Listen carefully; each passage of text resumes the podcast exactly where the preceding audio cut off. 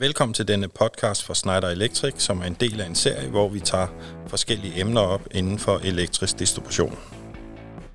Mit navn er Lars Skovli, og jeg har arbejdet hos Schneider i flere år som teknisk sparringspartner for elrådgiver. I dag har jeg inviteret en rådgiver med i studiet. Ja tak. Jeg hedder Dennis Husfeldt, og jeg kommer fra Rambøl, hvor jeg arbejder som fagleder. Baggrunden for vores podcast i dag, det er afskaffelse af 75%-reglen. Og jeg vil starte med at give lidt baggrund her. Gennem mange år har det været muligt at dimensionere kabler i nye installationer ud fra en forenklet dansk metode, man kaldte 75%-reglen. Den regel blev ofte brugt af rådgivere og installatører.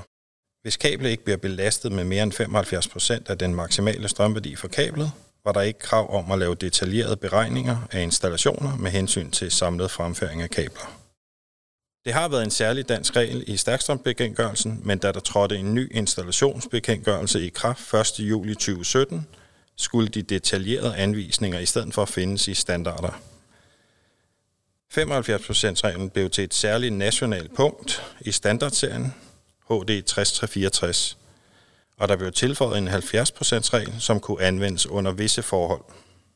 Frem til 30. juni 2019 var der fortsat muligt at bruge stærkstrømsbekendtgørelsen. Derefter har der været et krav at projektere og udføre installationer efter installationsbekendtgørelsen. Og dermed øh, er der udgangspunkt i HD 6364 standardserien. Dog kunne man frem til 30. juni 2020 færdiggøre arbejder, der var projekteret inden 30. juni 2019 efter stærkstrømbekendtgørelsen afsnit 6. Fra 1. Øh, januar 2020 blev 75%-reglen afskaffet, og det vil sige, at fremover skal installationer dimensioneres med udgangspunkt i beregninger efter standardserien HD 6364. Her skal man tage højde for forhold som for eksempel samlet fremføring af flere kabler, spring i et standardtværsnit med videre. Så kan man sige, hvorfor blev 75%-reglen afskaffet? Baggrunden for, at man fjernede øh, 75%-reglen og dermed afskaffede den, det var, at øh, både elkabler og brugen af installationer, de har ændret sig væsentligt siden 75%-reglen blev formuleret for mere end 50 år siden.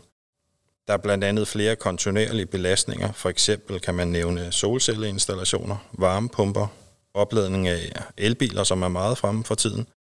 Derudover kan man sige, at strømværdien, tværsnit og omkredset på kabler har ændret sig, og dermed en øget risiko for overophedning og skader på kabler, som er fremført samlet i bunder, det kan medføre, at kabler kan få så høje temperaturer, så de smelter, og dermed kan det føre til kortslutning. Her hos Schneider Electric modtager jeg i mit arbejde mange henvendelser vedrørende fremføring af installationer i føringsvej, samt hvordan man skal forholde sig til de nye regler, og den indflydelse, det har på disponering af plads osv. For at tale omkring 75%-reglens afskaffelse og ændringer for rådgiver, har jeg Dennis Husfeldt med mig i dag.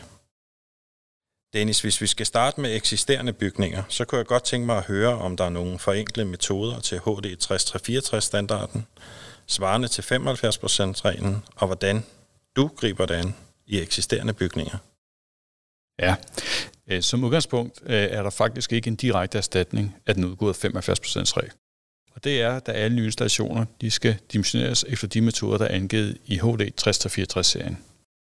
Dog kan en 30%-regel anvendes med fordel i nogle situationer, hvor kabler defineret efter denne regel i princippet kan betragtes som en reel erstatning af den udgåede 75%-regel. Det betyder, at ved anvendelsen af 30%-reglen skal man ikke tage højde for korrektion for samlet fremføring eller for eksempel spring i tværsnit. Når det nu er sagt, så er der dog en enkelt undtagelse. Der findes nu en ny dansk særregel, en SNC til HD 6364-serien, og den er i form af en 70%-regel, hvor enkelte betingelser skal være opfyldt. Hvis der skal laves en mindre udvidelse af en eksisterende installation, så behøver man ikke at kende belastningen på de eksisterende kabler, mod at belastningen på den nye installation ikke overstiger 70% af kablets strømværdi i maksimalt 3 timer ad gangen. Gør man det, så må man udvide installationen med en enkelt strømkreds til og med 16 ampere i dimensioneringsstrøm og med et ledertværsnit, der ikke overstiger 4 kvadrat. Okay, det vil sige, at vi har altså en 30% regel, og så har vi en 70%-regel. Ja, det er faktisk rigtigt. Men skal vi se det sådan, at 30%-reglen i princippet svarer til 75%-reglen. Det betyder, at man skal ikke korrigere for samlet fremføring og standard tværsnit. Det vil sige, at kablet bliver usynligt, som det var under 75%-reglen. Den nye 70%-regel er en lempelse til standarden. Det betyder, at du må udvide en eksisterende station med én strømkreds, altså ikke en ny installation, men kun med én strømkreds. Når man vil udvide en eksisterende installation med 70%-reglen, gælder det kun for ét kabel og ikke en ny installation. Dermed kan man anvende den nye 70%-regel, som er et dansk tillæg til standardserien. Okay, fint. Dennis, øh, jeg har hørt, at Rambøl har udviklet en unik metode, øh, når man skal lave udvidelser på hovedforsyninger ved hjælp af termografering. Ja, det er helt korrekt. Vi har i Rambøl udviklet en unik metode til kortlægning af belastningsgraden på eksisterende kabler, baseret på målet temperatur på kabelkapper med termograferingskamera. Det betyder, at vi sammen med ejeren eller brugeren af installationen kan kortlægge de eksisterende kablers belastningsgrad, og det baserer vi på det aktuelle brugsmønster til dimensionering af de nye installationer, som er f.eks. hovedledninger. Det er vigtigt at nævne, at den her kun kan bruges til hovedledninger og ikke til gruppekabler. Det betyder, at nye installationer ikke nødvendigvis behøver at blive udlagt efter 30%-reglen ved brug af de eksisterende føringsveje eller etablering af nye føringsveje for de nye hovedledninger. Så vi kan anvende eksisterende føringsveje med eksisterende kabler med den her nye metode. Dennis, det lyder rigtig spændende. Øh, hvordan kommer man videre med det, hvis man ønsker at gøre brug af det her? Jamen det gør man ved at tage kontakt til Rampel. Vores øh, unikke metode er baseret på, at vi har lavet tusindvis af målinger og simuleringer for at kunne nå hertil. Så lige nu er det en unik metode, som kun vi kan udføre. Når I så har gennemført øh, målingen, hvad så? Når vi har udført vores målinger sammenholdt med vores simuleringer, så kan vi fastlægge de eksisterende kablers belastningsgrad til dimensionering af vores nye kabler. Det betyder, at de nye kabler er tilpasset de kabler, der ligger i den eksisterende føringsvej. Okay. Så det kræver også, at I har en god dialog med, med ejeren, brugeren af installationen?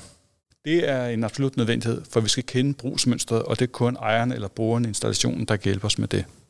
Det lyder meget interessant og kan være meget aktuelt i, ved udvielse af eksisterende installationer. Dennis, det var så lidt om øh, eksisterende installationer. Når vi taler om nye installationer, er der så nogle specielle forholdsregler i disponering af nye bygninger, når I projekterer installationer i henhold til 6364?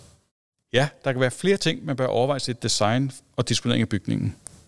Her tænker jeg, at man med fordel kan lave mindre decentrale tavleanlæg frem for større centrale tavleanlæg, og derved tænke i form for standardmetoder for kabelfremføring. Dette er meget fordelagtigt for udførelsen og for den senere udvidelse af installationen. Det giver god mening, synes jeg. At dermed vil du få flere tavler, men mindre tavler, og det vil også medføre, at dine gruppekabler vil blive kortere. Ja, altså udover at min gruppekabler vil blive kortere, vil jeg også få færre af dem fremført samlet, og det giver en stor fordel i disponering af bygningen, da den fysiske plads i dag er et problem i byggeriet. Lige præcis med hensyn til disponering og plads i bygninger. Øhm, hvordan ser du brug af kanalistrømskinner i nye projekter, og kan det være med til at løse de udfordringer, der kan være med hensyn til øh, fysisk plads i byggerier? Jeg kan bestemt med fordel se anvendelsen af kanalskinner i byggeriet, da den fysiske plads tit er en udfordring, og hvis man tidligt planlægger anvendelsen af kanalskinner i sit design, kan det i mange projekter være pladsbesvarende og være en meget mere fleksibel løsning. Det kan jeg sagtens se, øh, Dennis, og det er også det, jeg møder lidt i min, øh, min hverdag hos rådgiver, at det bliver mere og mere udbredt at bruge kanalskinner i installationer i Danmark. Det var så det, vi når for i dag. Øh, jeg siger stor tak til Dennis Husfeldt for at kaste lys på det særdeles aktuelle emne omkring afskaffelse af 75%-reglen og med hensyn til disponering af byggerier samt dimensionering af kabler. Som vi har hørt, og som Dennis har fortalt, er der flere ting, der skal tages højde for, når nye installationer udføres i bygninger. Så det er vigtigt at tænke sig om, og med hensyn til disponering af bygninger samt dimensionering af installationer, samt om der skal vælges en kabelløsning eller en kanalis strømskinneløsning, eller alternativ om man kombinerer kabel- og kanalis strømskinneinstallation. På listen over de emner, vi kunne tænke os at drøfte i de kommende podcasts, finder vi blandt andet digital transformation i elektriske systemer, cybersecurity med videre.